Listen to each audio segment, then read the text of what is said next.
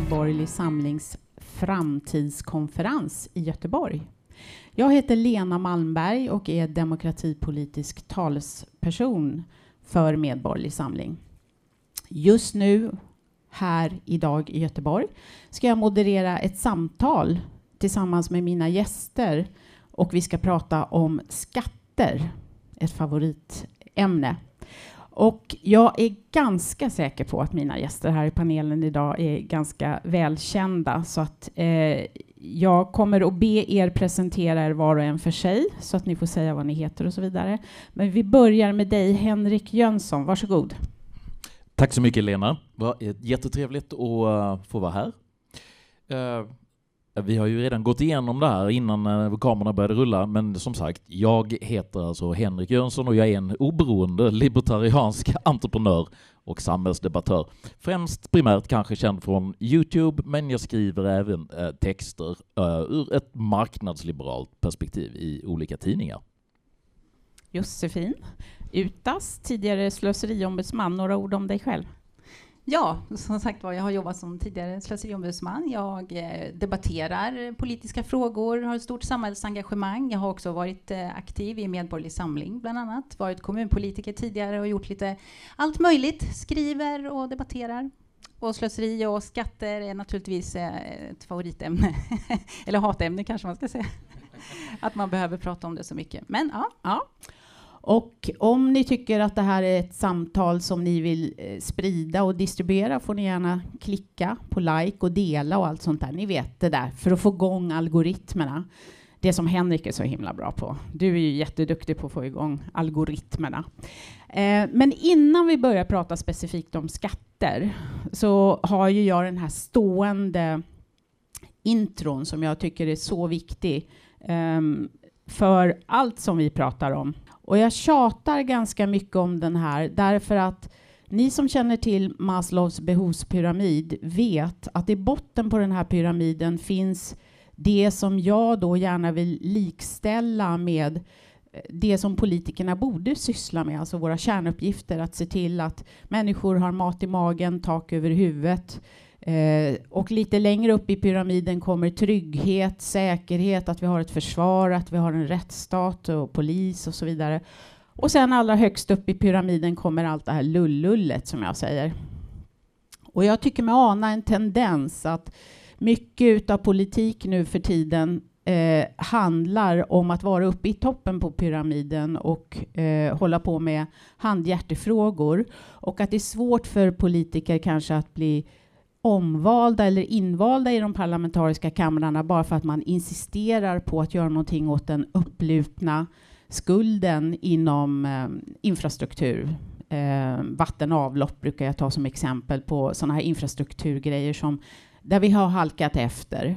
Men det är alltid populärare att göra saker längst upp i pyramiden och då hamnar man i SVT och man får berätta om att man har infört eh, jämställda cykelbanor i Stockholm med damcyklar hellre än herrcyklar och sånt där som är helt ointressant egentligen för oss skattebetalare. Ja, nu har jag fått säga det om vad jag ville om, om eh, eh, Maslow. Och innan vi har den här samtalet så har jag pratat med var och en av er för att se vad vi skulle diskutera. Och jag tänkte faktiskt låta dig börja, Henrik, för du har ju en väldigt annorlunda syn på saker om eh, skattesystemet och vad det är i Sverige som behöver förändras och inte bara förändras utan förbättras. Eh, så jag tänkte dig riva av den här plåstret med en gång. Varsågod. Ja, tack så mycket. Märkligt att bli liknad vid ett plåster som ska dras av. um, de av er som har följt här, mitt arbete på, på Youtube och texter jag skrivit sedan tidigare vet att jag företräder vad som i grund och botten liksom är en klassisk österrikisk form av liberalism, alltså en marknadsliberalism, där jag vill eh, arbeta för civilisationens bästa genom att ha en mindre stat med en större individuell medborgerlig frihet. Det är den grundläggande frihetsprincipen. Vi, vi, det här är en värderingsmodell som jag tror de flesta av oss i det här rummet på olika sätt med olika varianter delar. Eh, det dock så att jag vill ta tillfället i akt att använda det här tillfället när jag når så många av er som sitter här på, på en gång eh, och att angripa en realpolitisk verklighet som vi är på väg in i nu, som ändrar spelfältet för hur vi måste bete oss som vill företräda frihetsidéer. Eh, och jag, jag, är rätt övertygad av att, att den här analysen som jag i korthet kommer att lägga fram nu, kan jag få två, tre minuter till detta? Absolut, the floor is yours. Att, um, att den är betydelsefull att ta till sig för att det är inte längre gångbart att föra eh, liberala argument eller marknadsliberala argument. Det finns ingen demokratisk efterfrågan på skattesänkningar i dagens um, politiska klimat.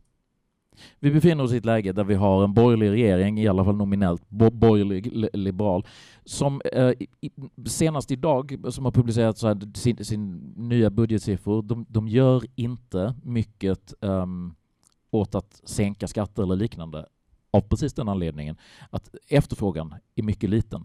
Och nu ska jag förklara precis vad jag menar med, med det här. För att det här känns ju dystert, eller hur? Jag är ledsen, jag kommer göra er superdyster nu allihop. Min makroobservation är att hela den västerländska kultursfären håller på att röra sig in i en ny cykel av statsdirigistiskt orienterad ekonomi. Det vi känner till, som sitter i det här rummet allihop, är 40 år av en ekonomisk verklighet som huvudsakligen har definierats av marknadslogik.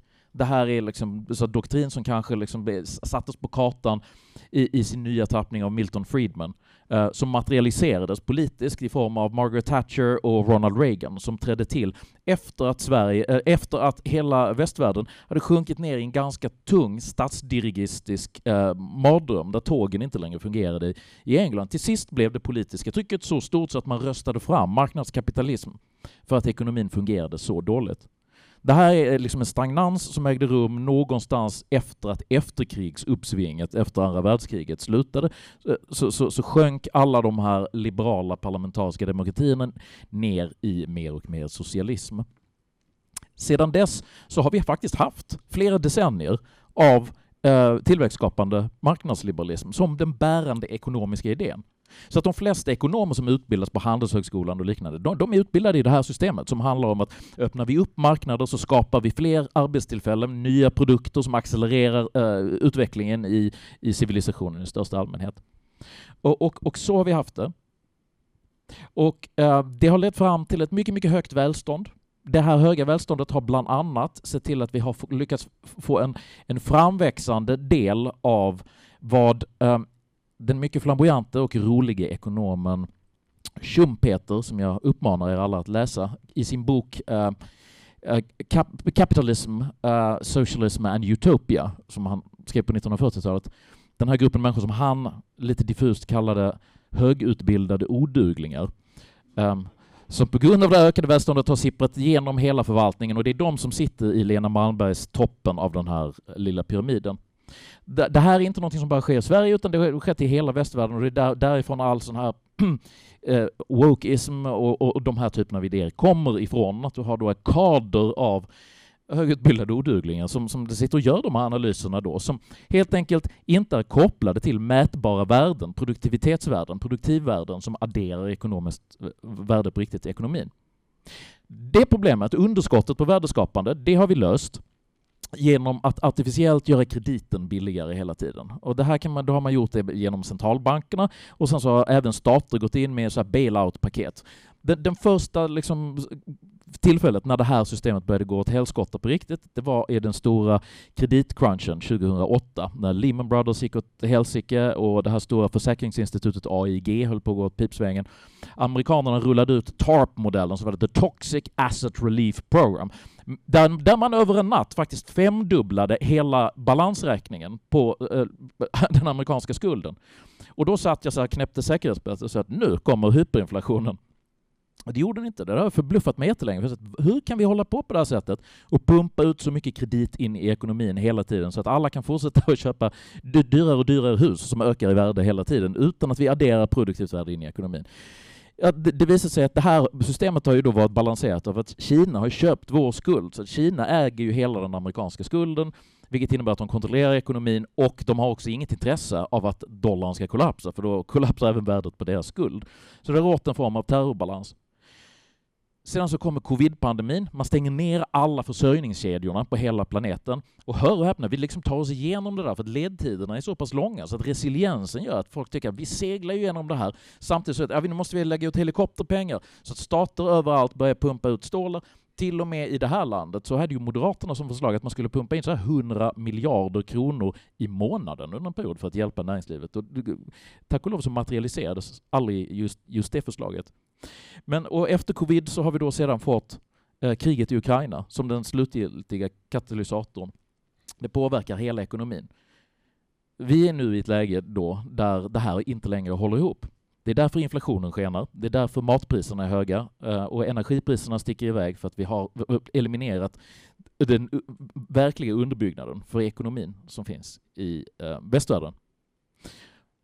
De, de västerländska ekonomierna vill egentligen ha hög inflation. Inte så hög som vi har nu, för att det märks. När inflationen är så hög som den är nu så svider det i folks plånböcker och det blir inte bra, då blir medelklassen missnöjd och förlorar man sitt politiska mandat. Men man vill ha en inflation som ligger någonstans, jag skulle gissa, 4-5 procent. För att vad det innebär, det är i, sto i, i stora drag, skulle man förenklat kunna säga, att det innebär att man åderlåter gamla och sparande människors kapital. Så att man, man, man sipprar ut det värdet för att betala ner den extrema skuldsättningen som alla de västerländska ekonomierna befinner sig i. Amerikas uh, debt to GDP ratio är alltså 295 procent. Så att skulden är alltså nästan tre gånger så stor som vad de producerar i hela landet på ett år. Det är helt ohållbart. Det är en högre nivå än vad, än vad de var efter andra världskriget. Det är ekonomiskt omöjligt att hålla upp. Eh, kineserna är oroliga för att det ska gå åt helsike. Amerikanerna vill inte, de gör det under ordnade former. De vill driva det här genom inflation över ett par år så att det där sjunker ihop. Då sitter folket å andra sidan och blir missnöjda och så att nu är det väldigt dyrt att köpa mat. Och då um, kan man rulla fram nästa eh, led i den här utvecklingen. Och det är, men det är klart, vi som politiker måste ta ansvar uh, och därför ska vi nu genomdriva prisregleringar. Det vi ser nu i det folkliga det är då att det, det folk jublar efter, den breda medelklassen, de jublar för tanken på prisregleringar på mat. Det framhålls som, som höjden av ansvar att höja eh, rösten mot ett marknadsmisslyckande i livsmedelsbranschen. Eh, samma sak häromdagen så gick Socialdemokraterna ut med, med, sin idé om folkhemsel, vilket innebär att staten då ska handla upp enorma mängder energi och sen så ska den eh, säljas. Man hoppas då att genom att handla upp bulk i kvalitet ska man kunna pressa priserna och sen så ska man sälja det här tillbaks till folket då till ett fast pris. Um, på motsvarande sätt så vill man eh, återförstatliga eh, privata utförare i välfärden. Samtidigt har man flyttat den principiella kontrollen över uh, the money supply från centralbankerna till staterna genom att staterna nu sedan covid är de som garanterar centralbankernas likviditet. Så det innebär att, att alla de här grejerna vill folk nu återflytta till statsmakten. Detta är det demokratiska mandat som finns hos medelklassen nu. Det är så det ser ut. Därför är det också väldigt praktiskt för de politiker som sitter att säga att att matpriserna är, är, är superhöga har ingenting med oss att göra. Det är ett marknadsmisslyckande. Marknaden har inte klarat av att förse er med mat. Därför måste pappa staten ta över det här för att ni ska ha mat på bordet. Se så ansvariga vi är. Konsekvensen av att man gör det här kommer många att älska initiellt. En bred del av medelklassen kommer att tycka de första tre, fyra åren Gud vad bra, det här är som gamla folkhem-Sverige. Åh vad bra det är med, med priskontroller på mjölken, med, med ett stadigt elpris som är kontrollerat och garanterat av staten. Det här är mycket, mycket bra. Men det är också som att försöka värma sig genom att kissa i byxorna. Det värmer en kort stund, sedan så luktar det skit och du blir iskall. För konsekvensen av att staten tar över alla de här rollerna innebär att staten kommer då i stora delar av västvärlden under de kommande åren att vara den primära eh, utgångspunkten för var kapital allokeras ifrån. Och när staten istället för marknaden sköter kapitalallokeringen Konsekvensen av det, och det här är vetenskapligt ekonomiskt belagt och beskrivet, det leder till missallokering av kapital. För att man kan inte planera fram någonting som är så komplext som hela marknaden. Och I takt med att missallokeringen av kapital blir större och större så hamnar vi i samma typ av stagflationsekonomi som vi hade under 1970-talet. Och sen så till sist så kommer det att bli så jäkla dåligt så att medelklassen ställer sig upp igen och kanske förhoppningsvis röstar fram en ny Reagan och en ny Thatcher igen. Nu kommer min sista payoff, sen förlåt ska jag lämna tillbaks rodret till Lena. Det jag menar att vi måste göra då, i nuläget, det spelar ingen roll om vi står och skriker oss blå i ansiktet över vikten av att ha lägre skatt. Det kommer inte hända. Ingen kommer att driva det. det. Det, är inte en gångbar politisk ideologi. Det vi behöver göra, det är att se till att hjälpa till att vänsterns doktrin kör i diket så fort som möjligt att driv på istället. Kör mer, in med fler genusvetare på Riksbanken. Alltså...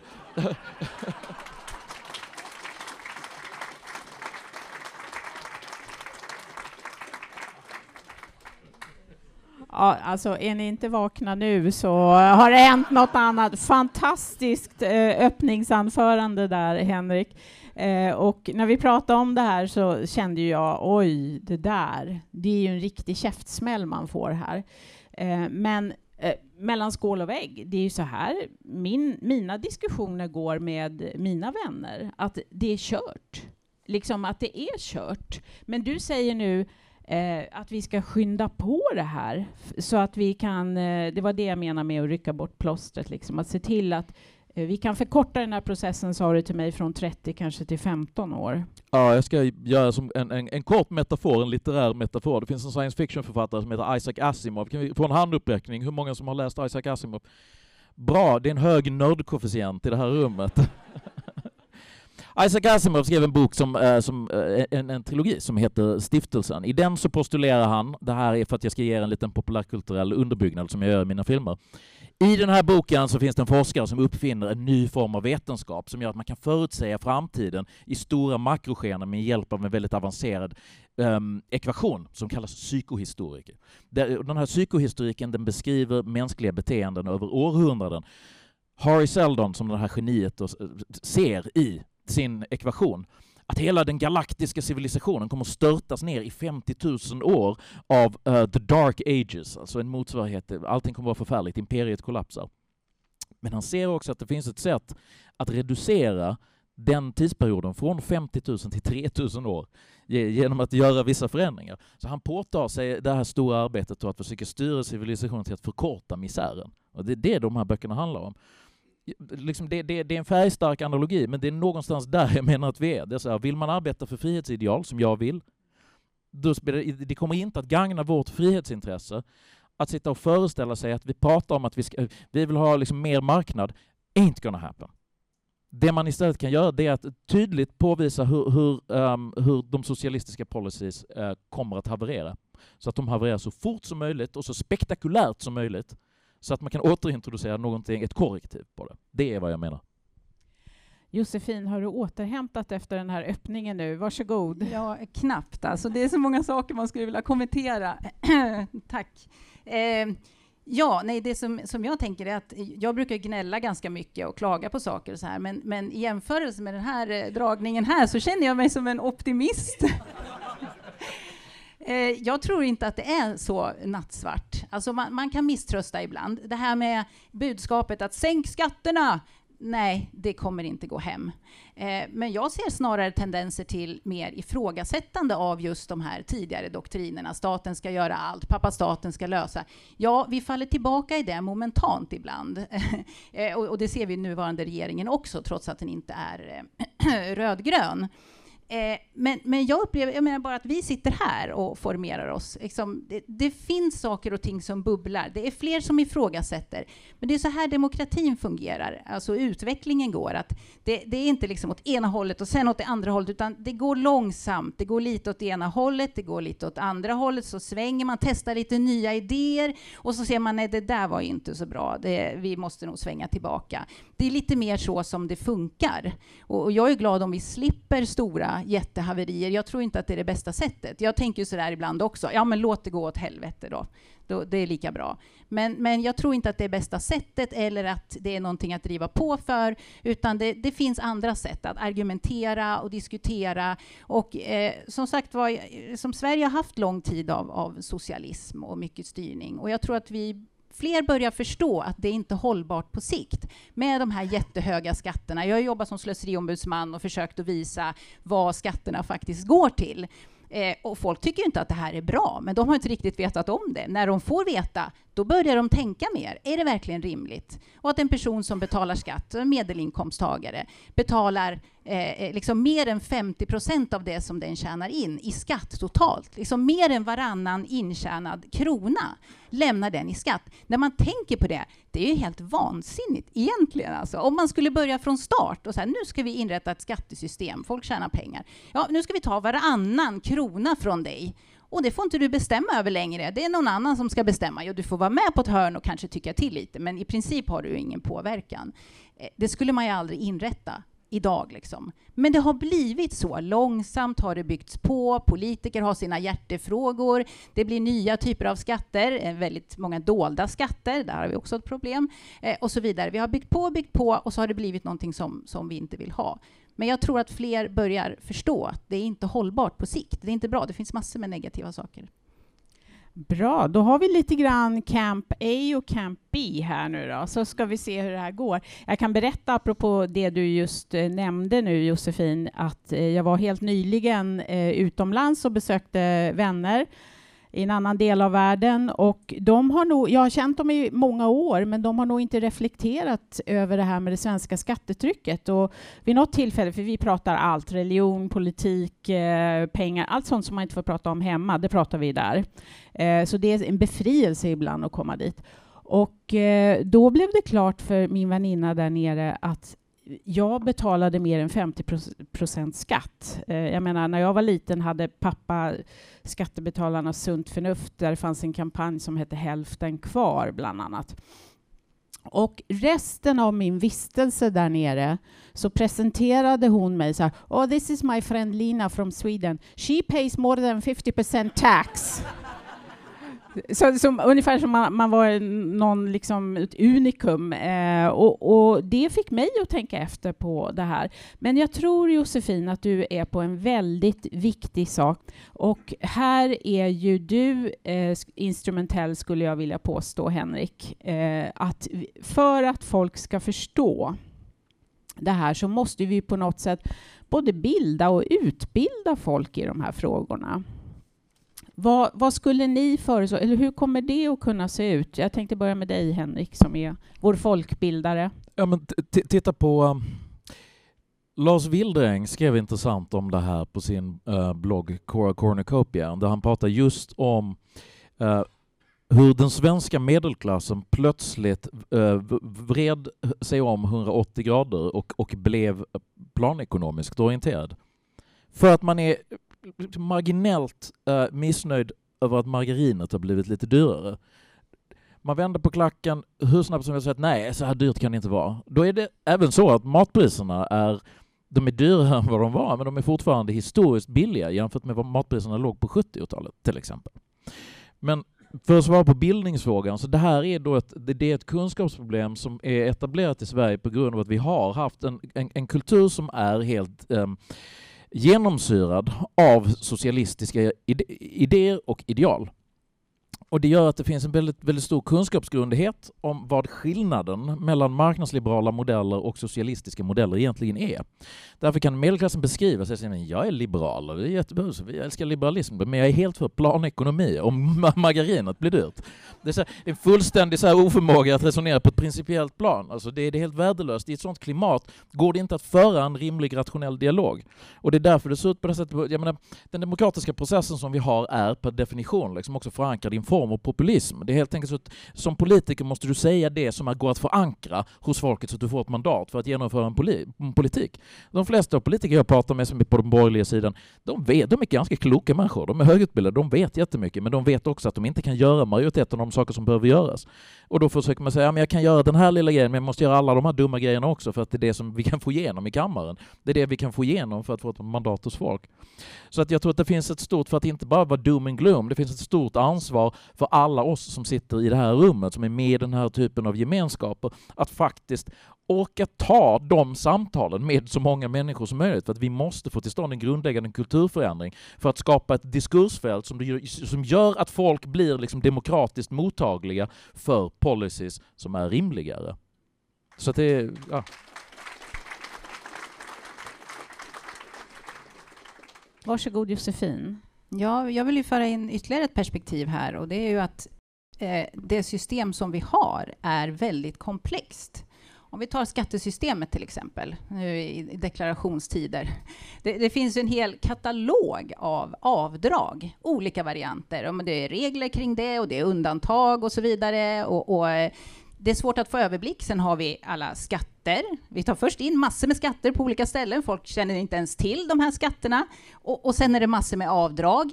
Eh, det är ett gigantiskt system. Folk sitter och handlägger det här. Människor sitter och, och googlar hemma och försöker förstå vilka avdrag ska jag ha. De söker hjälp och, och betalar andra för att försöka få, förstå sig på vad de ska betala eller hur de ska göra för att liksom minimera sin skatt. De lägger ju massor med tid och kraft eh, på det här. Och det här är alltså, det är ingen naturlag att vi överhuvudtaget ska ha ett skattesystem. Det är vi som har hittat på att det ska vara så här komplext. Och det har vi ju naturligtvis byggt upp under lång tid. Men nu har vi det här systemet. Politikerna har lagt på mer och mer och mer och, och jurister och så vidare. Vi har det här systemet och alla bara, ja okej, okay, nu ska jag deklarera. Och så accepterar man det här. Man köper bara det här rakt av. Man är liksom så van vid hur det ser ut. Men det är väldigt komplext, så om man försöker att sätta sig in i exakt hur det här går till och vill förändra någonting, det är just det, alltså ytterligare steg, det är nästan omöjligt. Det känns hopplöst. Alltså det är jättekomplext. Så mitt ledord här framöver, det, det är att propagera för enkelhet. Alltså vi, om vi pratar på längre sikt 2050. Det måste bli enklare system. Det är också ett demokratiskt problem när saker och ting är för komplexa. Man har svårt att ens ha en åsikt. Skattesystemet kan man i alla fall, liksom när det gäller små detaljer, ha åsikt över. Men det, vi har ju mycket, mycket, mycket fler system liksom, som bygger upp hela samhället. Vi har ju enorm eh, liksom, reglering kring saker och, och sen nu EU också, om vi lägger till det. Där finns det enorm reglering och det, EU styr ju nästan Sverige snart med regleringar. Eh, det är svårt att sätta sig in och bilda sig, göra sig en åsikt. Till exempel ha platt skatt istället. Det vore fantastiskt. Liksom. Det,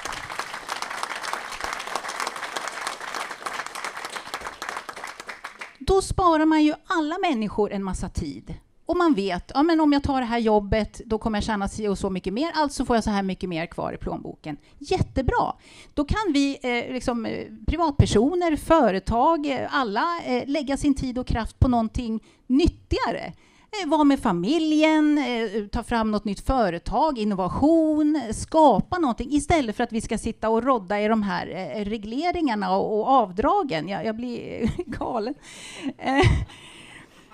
Så det, det, det finns mycket att göra här. Så det finns en poäng med att förenkla för invånarnas skull. För man kan säga att det här systemet som vi har byggt, det är inte till för invånarnas bästa. Utan det är till för några andra. Ja. Det här för, för mig osökt, eller inte alls osökt, tillbaka till min eh, favoritpyramid eh, Därför att jag tänker så här, när du säger så här, Josefin, låt oss förenkla. Men då frågar jag sig, vad ska alla de här människorna göra då? Och det här är ju problemet med Maslows, liksom, när, när vi inte alla be själva behöver gå och hacka i jorden för att odla vår egen mat och sådär. Så, och så blir vi många fler och vi blir väldigt mycket välut, mer välutbildade. Ja, då får vi det här som under senare år har seglat upp ordet transferiatet, alltså att staten tar in alla pengar och så skapar man myndigheter för att pytsa ut de här pengarna i olika typer av bidrag och så vidare. Eh, vad gör vi åt det här då? Ska vi liksom... Eh, nu har vi ju idag, vad är det, över 254 myndigheter och sånt där. Och, vi, och det vill jag passa på att säga, att vi i Medborgerlig Samling gick ut stenhårt i valet 2018 för att dra ner på antalet myndigheter, för det är ju också behöver vi alla de här myndigheterna och vad gör myndigheterna? Jag kommer ihåg mina föräldrar sa när, så här, ja, när jag var liten, då hade vi minsann bara sex myndigheter, liksom Statens järnvägar, Post och telestyrelsen, Skatteverket och några till. Och nu har vi en myndighetsflora och det ingår ju i hela den här komplexiteten. Jag säger inte att alla gör det, men det finns eh, en del där att hämta. Men hur ska vi, hur ska vi praktiskt kunna förenkla det här? Eh, är det genom lagstiftning, bildning? Vad, vad skulle du säga Josefin? Vad krävs det då eh, för det här uppvaknandet att fler ska se? Måste alla först hamna på, på liksom obestånd för att inse att det här inte fungerar? Eller eh, vad är liksom det taktiska vi ska göra? Ja, Eh, till exempel antalet myndigheter borde ju minskas, men det betyder inte att man bara kan göra det över en natt. Alltså det här är ju en sorts kulturförändringsprocess som vi måste genomgå faktiskt för att kunna göra de här förändringarna. Det, det, det måste ju vara så att, att folket faktiskt går med på att man gör det i, i viss mån. Men att vi är så vana vid att ja, men vi, vi tror att, alltså, gemene man tror att det måste finnas just 254 myndigheter eller vad det är, för annars kommer samhället rasa samman. Det är samma med de här avdragen och skattesystemet. Men, men, men det kan man väl inte ta bort sådär? Då, då liksom rasar allting. Alltså vi, vi har blivit så vana vid att ja, men det ska vara precis så här som det är. Men så är det ju inte, utan det finns alternativ.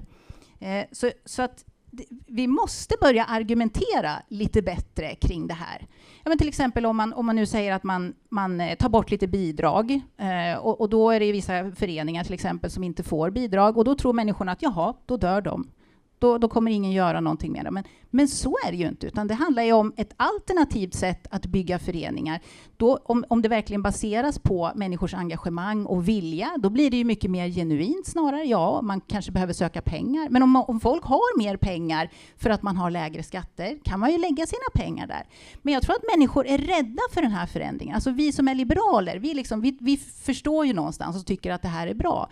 Men jag tror att när man, när man går på människor som är vana vid hur det ser ut, så blir de lite skraja för det. Och, och jag, vet inte, jag funderar lite på vad det, vad det beror på, om, om de bara är liksom rädda för förändring eller om det kanske är så att det, systemet är så viktigt. Alltså att vi har på något sätt det, det här systemet vi har skapat. Vi, alltså vi, vi människor, vi är ju så att vi, vi eh, är proffs på det här med att, att eh, lägga in betydelse eller värderingar även i abstrakta saker. Ni pratade lite grann om det på morgonen här tror jag. Alltså det kan vara Gud eller ett varumärke. Vi lägger in betydelse i det och så blir det liksom viktigt. Eh, och vi vill ha kvar det där. Och, och, det verkar som att det har blivit lite så med, med skattesystemet också, att vi liksom vill ha kvar det bara för att det måste bevaras. Och man får inte ifrågasätta det där. Det, det är också en del blir väldigt så här, aggressiva nästan om man ifrågasätter någonting när det gäller skatterna eller systemet. Eh, det är som om man kritiserar deras religion. Liksom, Va? Vadå? Hur kan du komma här och tycka till om det? Det här ska ju vara precis som det alltid har varit. Eh, och eh, det, det, är inte riktigt bra. Skatterna och det, det, det ska ju vara till för nytta nytta för oss medborgare. Och det var det till en början. Det är liksom praktiska grejer. Om vi hamnar i, i svårigheter så ska vi kunna få hjälp och men vi ska kunna ha vägar att åka på. Det är liksom nytta. Men det har blivit någonting annat, någon sorts institution som man liksom inte får beröra. Och det måste vi försöka förändra. Och det är en sorts kulturförändring. Man måste ändra, alltså få folk att ändra inställning. Jättebra och jättetungt, men att ändra människors sätt att agera och tänka är ju bland det svåraste som finns. Eh, jag har börjat få in, jag tar en fråga här från eh, publiken eh, och den, jag börjar med den jobbigaste frågan först faktiskt.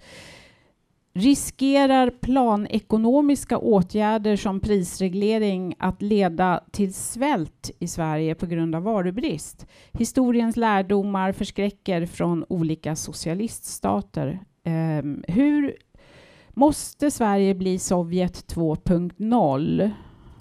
Henrik? nu, nu vill jag passa på här faktiskt att försöka lyfta andan lite grann i rummet för att till, till, till trots den här ganska pessimistiska prognosen som, som jag lyft fram så är det så att det finns alla förutsättningar för att använda varje tillfälle för att göra en konstruktiv och en positiv skillnad. Det är att vi rör oss i riktning mot en dirigism. Det är fortfarande så att oavsett vilken kurva du tittar på så är det så att vi är, är way, way better off nu än vad vi någonsin har varit i historien. Alltså bildningsgraden globalt ökar, analfabetismen är fallande, livslängden ökar, det allmänna välståndet ökar, antalet människor som lever i akut fattigdom minskar snabbare än vad det någonsin har gjort. Så att i den här, alltså det det, kurvorna, den makrotrenden är positiv. Sen så har vi cykliska eh, upp och nedgångar inom det. Nu tror jag att vi är på väg in i en cyklisk nedgång som, som drivs av ehm, de konstiga kreditflödena som har pågått för länge och eh, kriget i Ukraina som har blivit en katalysator som har drivit igång det där. Svaret på frågan är att jag tror inte att vi behöver vara oroliga för att vi ska börja svälta i det här landet. Däremot tror jag att allt det som är glatt, pikt och gott och lite extra lök på laxen kommer att försvinna under en period för att folk kommer inte ha råd att åka på den där semestern till Thailand eller köpa någon ny TV bara för att man tyckte att den var schysst och att man ville göra en uppgradering. Utan det kommer bli mycket mer som... Alltså jag, kommer, jag kommer ihåg när jag var liten på 1970-talet. Då var hela den svenska medelklassen ungefär 30 procent fattigare än, än vad vi är idag. Och det slog igenom. Matpriserna var också ungefär 30 procent högre då än vad de är idag. Vilket innebar att man köpte så här skinka på burk och andra sjuka grejer liksom som folk åt. Så att det kommer nog mer vara så. Jag tror ingen kommer att svälta men ni kanske får käka skinka på burk alltså. Det kan vara hemskt nog. Josefin, har du någon feedback på den frågan? Varubrist, planekonomi? Nej, jag, jag, håller med Henrik där. Ja. Jag tror inte att... Vi, vi, ska nog inte vara rädda för mm. det. Alltså, det, Jag tror inte att det kommer att bli så. Men det kan ju bli dåligt på vissa sätt. Mm. Ja, men det ska vi ju se till att förändra. Så att, eh, och, och, om jag får lägga till en sak, ja. jag glömde förra frågan där. Du frågade mig hur ska man börja förändra? Jag sa att ja, man måste kulturförändra. Eh, men, men, man måste också börja agera, alltså politiskt, och, och visa att det går att göra förändringar. Alltså börja i det lilla, visa vad som händer. Um, till exempel det här med föreningslivet, om man nu tar bort eh, bidragen från föreningslivet. Det dröjer ju ett tag innan det kommer att komma upp föreningar då som klarar sig själva. Uh, och, och, den tiden måste man ju ge dem också, så man kan inte köra på för fort här. Uh, tycker jag. Det, det, är också ett viktigt medskick. Är, man, man, vi kan ju vilja mycket sådär, men, men det måste få ta lite tid klokt. Förlåt, får jag, får jag haka på ja, här? Ja, absolut. Varsågod. För, för, det är därför du är här. För att jag, jag, jag håller med Josefin, uh, hull och hår, att i grund och botten så är det här en fråga om man vill göra ett riktigt frihetligt förändringsarbete så bör man inte stirra sig blind på uh, liksom de cykliska rörelserna, utan det som verkligen ska till och det som verkligen behövs, det är precis vad du säger, nämligen det är en kulturförändring. Och det jag vill försöka komma till här. Eh, kan vi bara få en, en handuppräkning? Hur många är bekanta med Antonio Gramsci? Okej, okay, så det är en fjärdedel ungefär. Som hastigast då, Antonio Gramsci är en italiensk marxist som skrev en bok som förklarade varför den marxistiska revolutionen inte, varför proletärerna inte gjorde revolution. Och eh, hans förklaring, han skrev den här boken i slutet av 1800-talet, hans förklaring är att det beror på att Italien genomsyras av småborgerliga värderingar, vilket gör att proletariatet inte förstår sitt eget bästa. De är inte mottagliga för socialistisk argumentation. Det var hans tes. Därför menar Gramsci att vi måste, arbeta, vi måste skaffa oss en socialistisk kulturhegemoni. Han grundade det här begreppet då, kulturhegemonin. Det här lyssnade bland annat en, en ung studentvänsterkille i Tyskland på 60-talet som heter Rudi Dutschke på. Hur många av er känner till Rudi Dutschke? Okej, okay, ungefär lika många. Rudi Dutschke läste Gramsci och han myntade begreppet den långa marschen in på institutionerna, vilket i korthet går ut på att vi kan inte få ett demokratiskt mandat för att skära halsen av alla borgarna. Eh, det är svårt att övertala folk till det. Däremot så kan vi se till att få in våra människor på kultur institutionerna, i medierna, på tidningarna och på alla ställen där folk formar sin bild av verkligheten. Så att kulturarbetet som behöver göras i Sverige, det är att vi har då som höger eller som frihetliga eller som borgerliga eller som konservativa, vi har sovit vid ratten i väldigt många decennier. Och antagligen ungefär under premissen att bara vi får styra industripolitiken så kan ni få kulturen, liksom larva er i trikåer på, på scen och så, så, så För att vi har inte haft en, liksom en borgerlig högkulturtradition i, i Sverige på samma sätt som i Frankrike. Där, liksom, är du en topp i näringslivet så går du på opera i Frankrike. I, i Sverige liksom så stannar det vid paddel och sen så blir, blir det inte mer. Liksom. Så att vi behöver ju göra här vad jag menar och det här är faktiskt det jag har vigt resten av mitt liv till. Helt enkelt att åstadkomma en egen kulturhegemoni där vi lägger till och kompletterar den svenska kulturen med förklaringar med egen ryggrad som handlar om individens perspektiv, om frihetsperspektivet, om, om marknadsliberala idéer och välståndsskapande som kompletterar den förhärskande berättelsen, den kulturhegemoni som går ut på att kollektivet måste överordnas individen. Grundsynen på människan är att hon är ett offer som måste få stöd av, av, av en stor och mäktig stat för att samhället ska eh, se bra ut. Den dramaturgi som ständigt utmålar entreprenörer som Mr Burns eller Gordon Gecko eller kung Midas. Alltså ständigt de här troperna som sitter i ryggmärgen på folk. Därför, precis som Gramsci, så varför, varför, varför får vi inte igenom den marxistiska revolutionen? På grund av den småborgerliga kulturhegemonin i Italien på 1800-talet då Eh, motsvarande här. Varför, varför, varför får inte vi igenom våra idéer som faktiskt är både moraliskt och ekonomiskt överlägsna, som ser människan som en kapabel varelse, som ser värdeskapande som nyckeln till civilisationen. Det, det är en bättre moral. Det är lättare att rent filosofiskt argumentera för den positionen. Ingen lyssnar på grund av att vi har en socialistisk kulturhegemoni som gör att när jag börjar prata om vikten av att man ska få vara sitt eget livs arkitekt så hör folk genom kulturhegemonin detta som du är illojal mot kollektivet och därför är du ondskefull. Och, och, och, det är svårt för oss att utgå från den här punkten. Så att jag menar att vi behöver få till precis ett kultur... Och det kan vi diskutera, det är nästan en separat panel vid något tillfälle. Men att göra kulturarbetet, att skapa, att återta en bit av kulturen i alla fall, så att det blir en balans. För att nu är det ingen balans. Eh.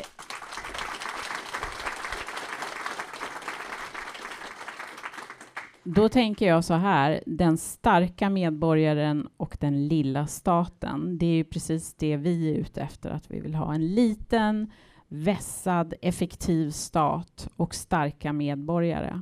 Det, det är sånt vi gillar. Eh, jag, jag, vill gärna haka på den här frågan om, om eh, varubrist och svält. Jag vet inte Eh, de som håller sig får sitt informationsinflöde från public service eh, kan jag bara beklaga, för de har nog missat vad som har hänt i Nederländerna på sistone. Eh, där det finns väldigt utav EU då skarpa krav på hur jordbruket måste hantera sina utsläpp. Och det har ju lett till att eh, det har kommit fram hot mot nederländska eh, bönder och jordbrukare att förstatliga deras eh, gårdar, alltså deras produktions, deras liv helt enkelt. Och att staten skulle lägga beslag på det här för att de inte uppfyller de skärpta EU-kraven på CO2. det var inte CO2, det, jag kommer inte ihåg vad det var för någonting speciellt, kväve, tack.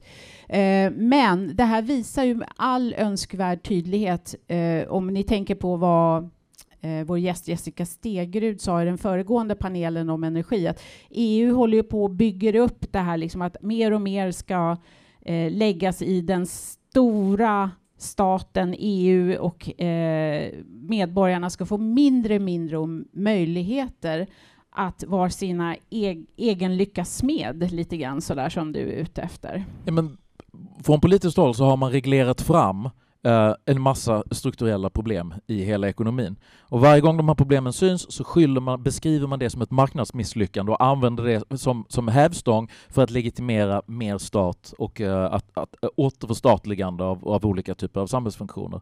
Så att det, det är djupt ohederligt och jag, kan inte, jag, jag ser mycket begränsade förutsättningar för att den borgerliga regering som vi har nu, God bless their hearts, um, har, har liksom muskler eller liksom politisk kapacitet att, att liksom adressera några av de här sakerna. Utan istället så får vi Elisabeth Svantesson, till sist så kallar hon till sig matjättarna därför att det är så den populära opinionen ser ut. Och det är de vet det här. De är kloka, högutbildade människor. Jag vet, jag har pratat med dem. De vet det här. De gör det för att politik, eh, politiskt arbete i offentligheten är ungefär som wrestling. Det vill säga att det är en massa fejkade grepp och grejer, de måste göra det här och så måste hon göra det. Och det gör mig helt, det gör mig helt knäckt för att det, det, är, faktiskt, det är faktiskt för jävligt. Varsågod.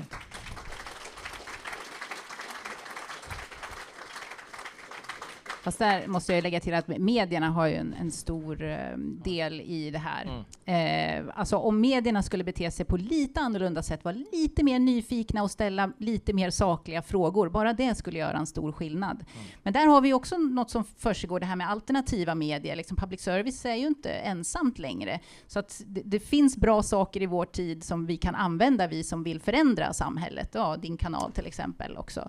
Så att, eh, det, det, det, finns hopp. Men du, där. bara case in point, det är så här, förra veckans Agenda hade Elisabeth Svantesson i studion och eh, hon fick då frågan av uh, Camilla Kvartoft så här, men varför tycker du inte det är viktigt att vi tar vårt ansvar nu och inför lite prisregleringar? Och då, och då, då, då svarar Svantesson helt korrekt, men att introducera prisregleringar skapar brist. Kvartoft står som ett frågetecken i studion och frågar varför skapar pristak brist? Och det, det är ju en sån... Och, och, det, det är så himla märkligt så att Svantesson klarar inte av att svara på den frågan därför att det är ungefär som att du får en, äh, Det är lika bisarrt som att någon skulle ifrågasätta gravitationen. Liksom. Det är så, vad menar du att saker faller om jag släpper, släpper dem? Varför är det så? Så att, så att Svantessons svar då blir att nej men prisregleringar eh, skapar brist där, därför att brist uppstår av prisregleringar. Och så är det bara ett cirkelargument. Och här sitter liksom hela svenska folket. Jag menar, I det här rummet så har vi en generellt högre ekonomisk, samhällsekonomisk kunskapsreferensramverk liksom, än vad folk har. Hela det svenska folket som sitter och tittar på det där tycker att hon har ingen förklaring på det där. Det finns ingen anledning till att det skulle inte... Det blir ju bara bra, margarinet är billigare. Så, låt oss bara bestämma att priserna ska vara låga nu liksom. Så det, det, det, liksom, det, jag kan inte nog understryka vikten av att ta den här rollen på allvar som individer. Därför att vi representerar också det som är det goda civilsamhället. Vi representerar det, vi måste vara det ideal som du talar om. Det vill säga där, där staten och systemen sviker träder medborgaren fram. Och jag tror att även i liksom så riktigt risiga planekonomier som säger det förfärliga, förfärliga Östtyskland det enda som gjorde att den regimen fungerade var att de hade svarta marknader. Det var människor som började lösa de problemen som, som staten inte kunde lösa. Och det, allt det här, det, vi måste göra det, vi måste vara den förändringen som vi själva vill se. Ta ansvaret att försöka person för person, hjärta för hjärta, medvetande för medvetande, nå människor så de förstår varför prisregleringen leder till brist. Det, det, det, någonstans måste man börja. Varje, liksom en, en resa på tusen mil börjar ändå med ett steg. Och det, det, finns ingen annan väg än att vi måste arbeta med det här, var och en av oss. Det, jag kan inte nog understryka hur viktigt det är att ta den uppgiften, var och en av er, på, på blodigt allvar.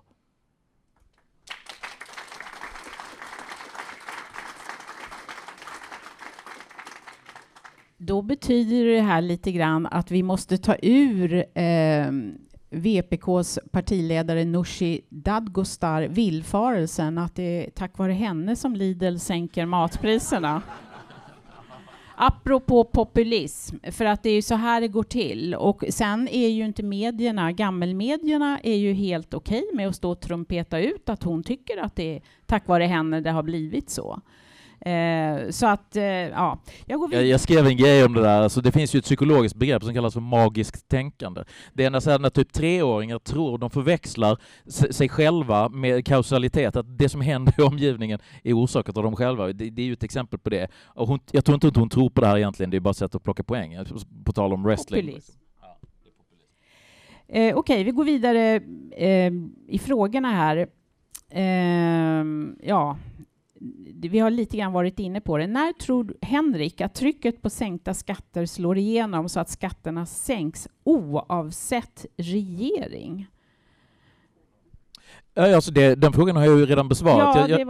Ja, jag, jag, tror att det kanske tar tre decennier ungefär Uh, och då, för att vi måste köra ekonomin i diket Mm. innan det f- kommer att finnas ett demokratiskt mandat för att Mm. göra det. Och då är nästa fråga också, för det har vi ju pratat lite om, är, är det möjligt att sänka skatter i Sverige? Frågetecken. Den offentliga sektorn och bidragssamhället besitter en enorm makt. Är det tvunget med någon slags systemkollaps, och det är det ju då, innan ett möjliggörande av skattesänkningar? Och det, och det här blir ju i princip då att alla måste få smaka på det här eh, på ett eller annat sätt innan man ja, innan det blir som det blir. Men om vi nu tittar då framåt så att vi inte ska vara dysterkvistar eh, utan ser vad vi försöker göra med det här. Du har ju lite grann, Henrik, bett oss var och en av oss att eh, bära det här budskapet vidare och framför allt eh, att inte vara tysta. Eh, det här det kom vi överens om när jag pratade vid middagen igår, den här svenska ängsligheten. Eh, släpp den. Börja prata som mina vänner nere i på andra delar av jordklotet. gör. Börja prata politik, ekonomi och sådana saker på, på middagar. Eh, skippa i de där konventionerna att man inte får prata om det. För att vi måste komma bort från det här eh, i och med att allting hänger ihop. Det här med att medierna är med på det här också. Eh, allting är stöpt i samma form. Vi har pressstödet, vi har partistödet. Uh, och det gör ju att det är starkt bidragande orsaker till att det ser ut som det gör idag, skulle jag vilja påstå. Starkt bidragande. Um, Josefin, varsågod. Jag ser att du vill säga någonting. Ja, jag funderar på en, en annan aktör eh, Mm. som, som är med i det här, eh, näringslivet. Jag, jag, är lite, jag brukar hela tiden eh, spana efter liksom hur agerar företag och vad säger företagare som, som de berörs ju verkligen av de här frågorna och skattetrycket och, och eh, pengarna och sådär. Hur de agerar. Och jag, är- jag är förvånad över att det inte är fler som bara vågar stå på sig och vara vanliga företagare. Liksom att, att de vill behålla sina pengar och få investera dem och lyckas eller misslyckas. Alltså, det, det finns ju företag som tycker att oh, vi vill ha mer skattepengar till den här branschen, det är jättebra och så här. Och jag förstår inte hur man kan göra det. De om några skulle kunna liksom stå upp för det mer frihetliga och att, att de ska kunna få jobba som man gör i den branschen. Liksom. Det, det bygger ju på det, marknadsekonomi och, och liksom att man får råda över sina egna pengar, investera dem, satsa, utvecklas.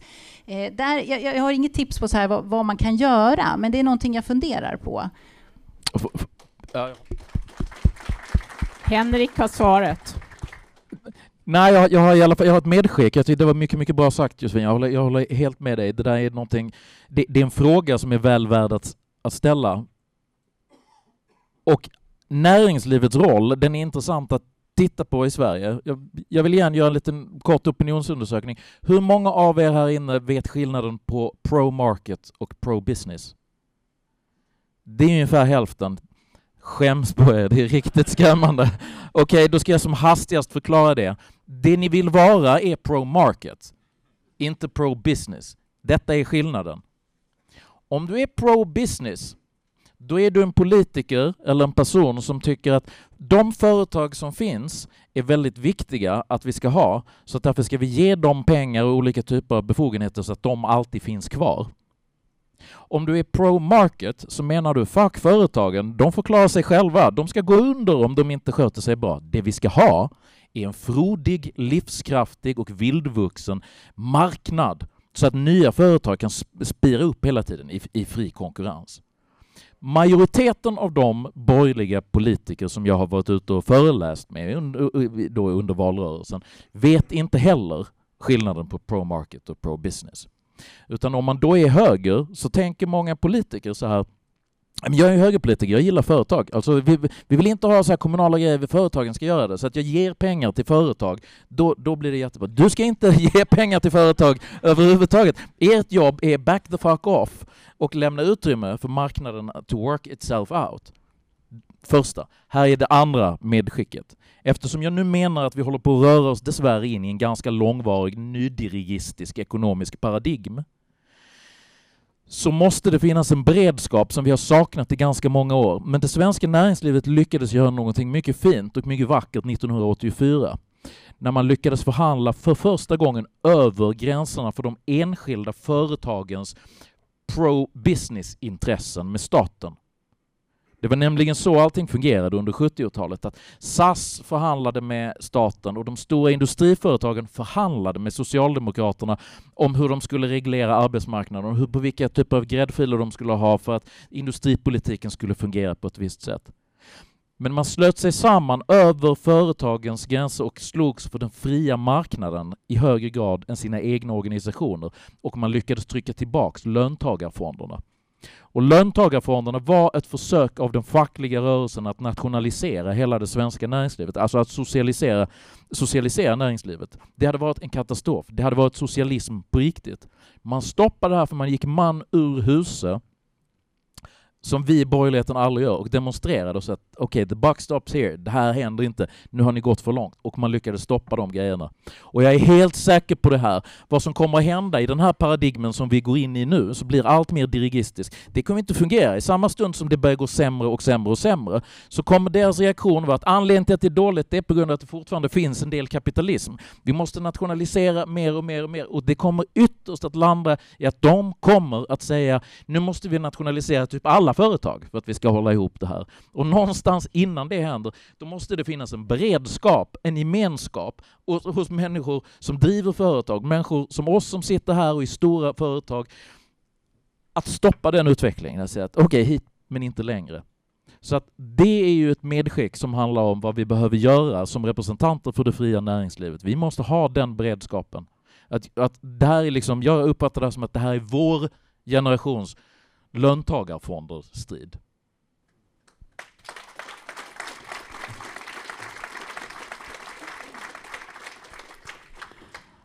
Jag är så gammal så att jag minns eh, den här jättedemonstrationen i Stockholm 1984. Det, 90 000 människor kom ja, ut. Jag var där med min pappa. Min pappa var jordbrukare. Och när en jordbrukare liksom hänger av sig arbetskläderna och sätter på sig finkläderna och åker in till stan för att demonstrera, då förstår man att det är allvar. Och, så det här med löntagarfonderna är jag uppvuxen med. Kjell-Olof Feldts, ni vet den här, vi har baxat dem ända, denna skit med löntagarfonder. Vi har baxat löntagarfonder är, är ett jävla skit. Nu har vi baxat dem ända hit. Han var ju mycket missnöjd ja, med detta. Precis. Och han skrev det på en servett i riksdagskammaren. Han hade tråkigt och så var det någon journalist med teleobjektiv som lyckades plåta det där. Det är ju en dråplig historia egentligen. Helt, alltså. helt osannolikt. Um, och vad jag skulle komma till att det var för min egen del så var det inte förrän uh, januari 2015, Charlie Hebdo, uh, och eftersom jag är demokratipolitisk talesperson, då det gick från 84 till 2015 innan jag gick ut och demonstrerade och då var det för åsikts och yttrandefriheten. Så det ska mycket till innan svensk borgerlighet tar upp den där knutna näven ur fickan och går iväg.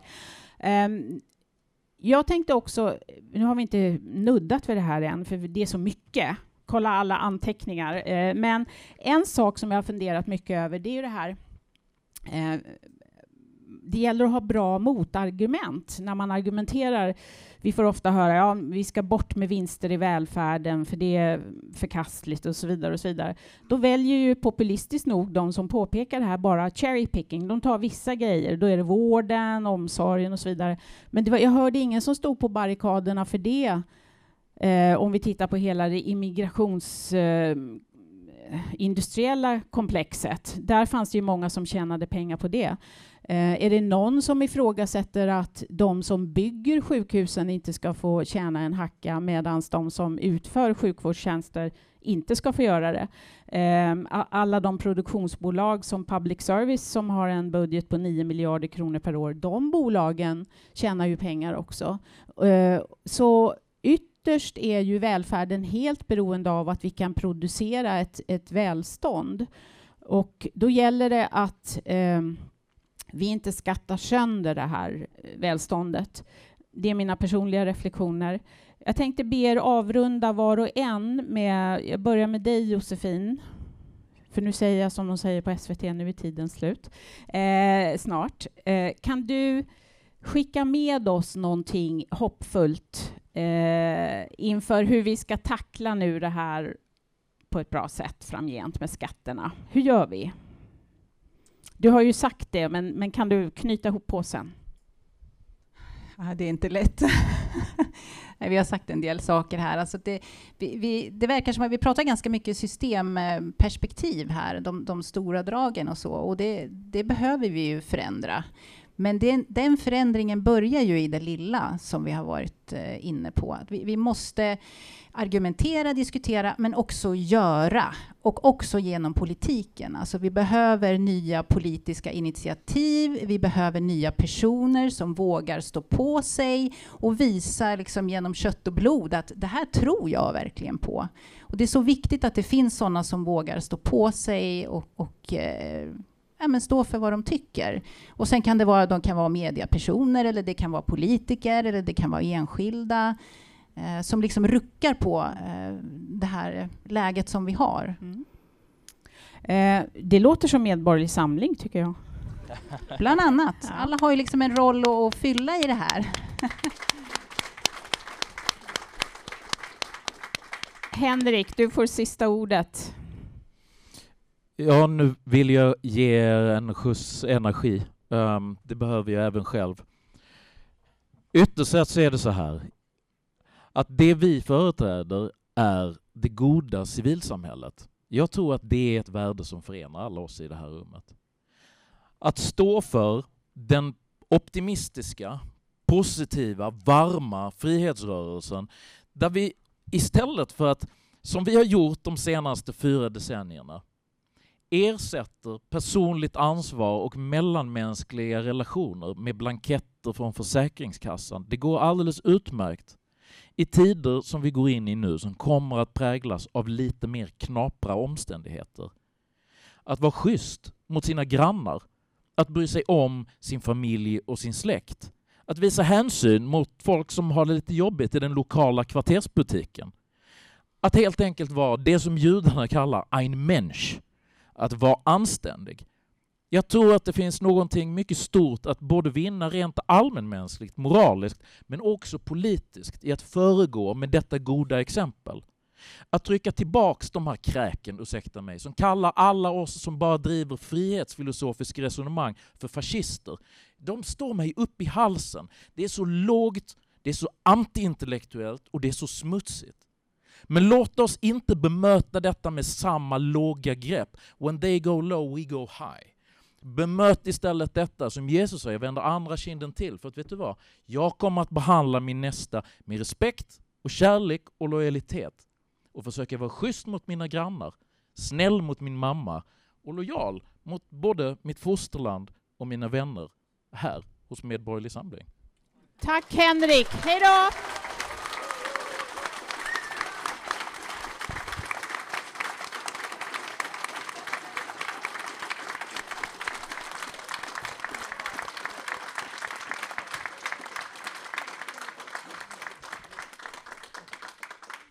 Tack och hej.